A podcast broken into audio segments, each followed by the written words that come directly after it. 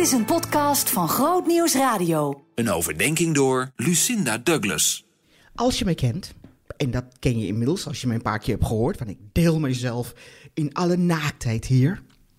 Je weet dat ik een bevlogen mens ben, maar ook in mijn geloof, of en ook in mijn geloof.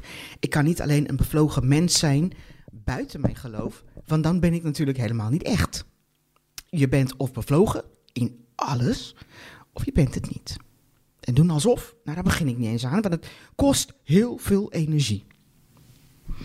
Maar wie ben ik in Christus is mijn identiteit. Wie ik ben oprecht in Christus is mijn identiteit. En ik ben dat gaan ontdekken en geloven sinds een paar jaar. Zo ontving ik gisteren een bericht via Insta, Instagram, van een ongelooflijke relatie van mij. En ze zei: Jij bent zo bevlogen, Lucinda, als het gaat om jouw geloof. Ik vind dat mooi. Maar hoe, hoe kan ik nou niet bevlogen zijn over mijn geloof? Weet je, ik ben wellicht de enige Bijbel die mensen zullen lezen. Dat, dat hoor je vaak, hè? En dan heb ik toch een enorme taak. Ook al ben ik degene die valt en opstaat en valt en opstaat. Maar ik ben wel de Bijbel die iemand misschien zal lezen. En ik wil laten zien dat er humor, plezier, genot, oprechtheid, passie, vrijheid en leven is in het geloof. In het geloof met Jezus.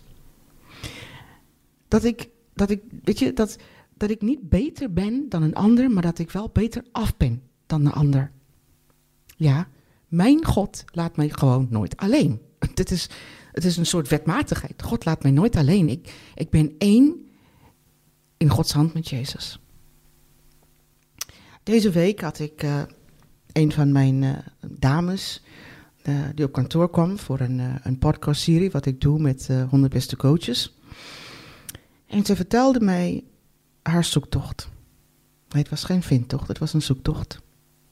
En we gingen langs alle rituelen die zij de laatste tijd al heeft gedaan. En de helft wist ik niet eens. Woorden als kampo, cacao-rituelen, kiekergif op je lichaam, dus wonden maken op je lichaam om kiekergif daarin te wrijven en zo te ontgiften. De paddo-rituelen, de ademhalingstechnieken waarbij je gaan, uh, in hypnose gaat of in de trance gaat en gaan zo maar door. En ik zei, geef God een kans.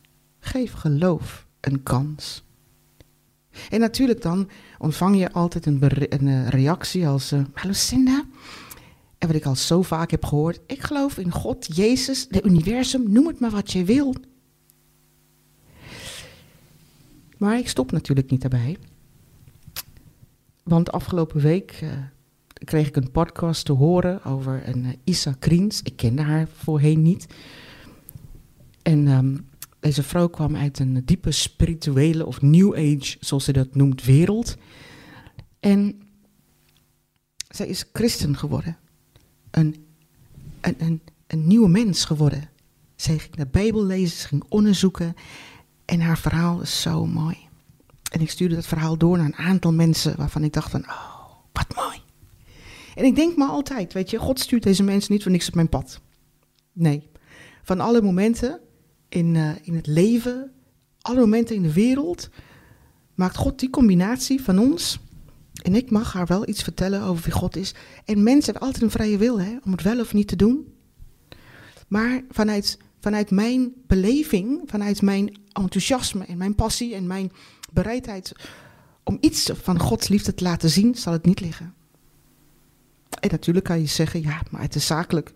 Maar wie ben ik eigenlijk? Ik ben in de eerste instantie een kind van God.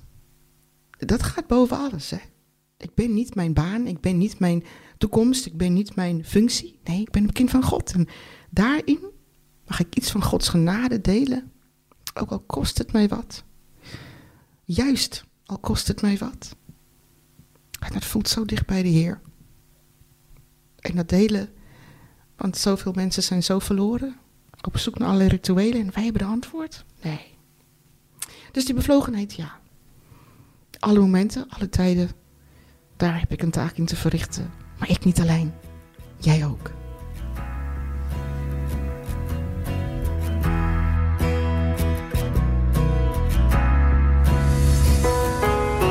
Meer verdieping? grootnieuwsradio.nl slash podcast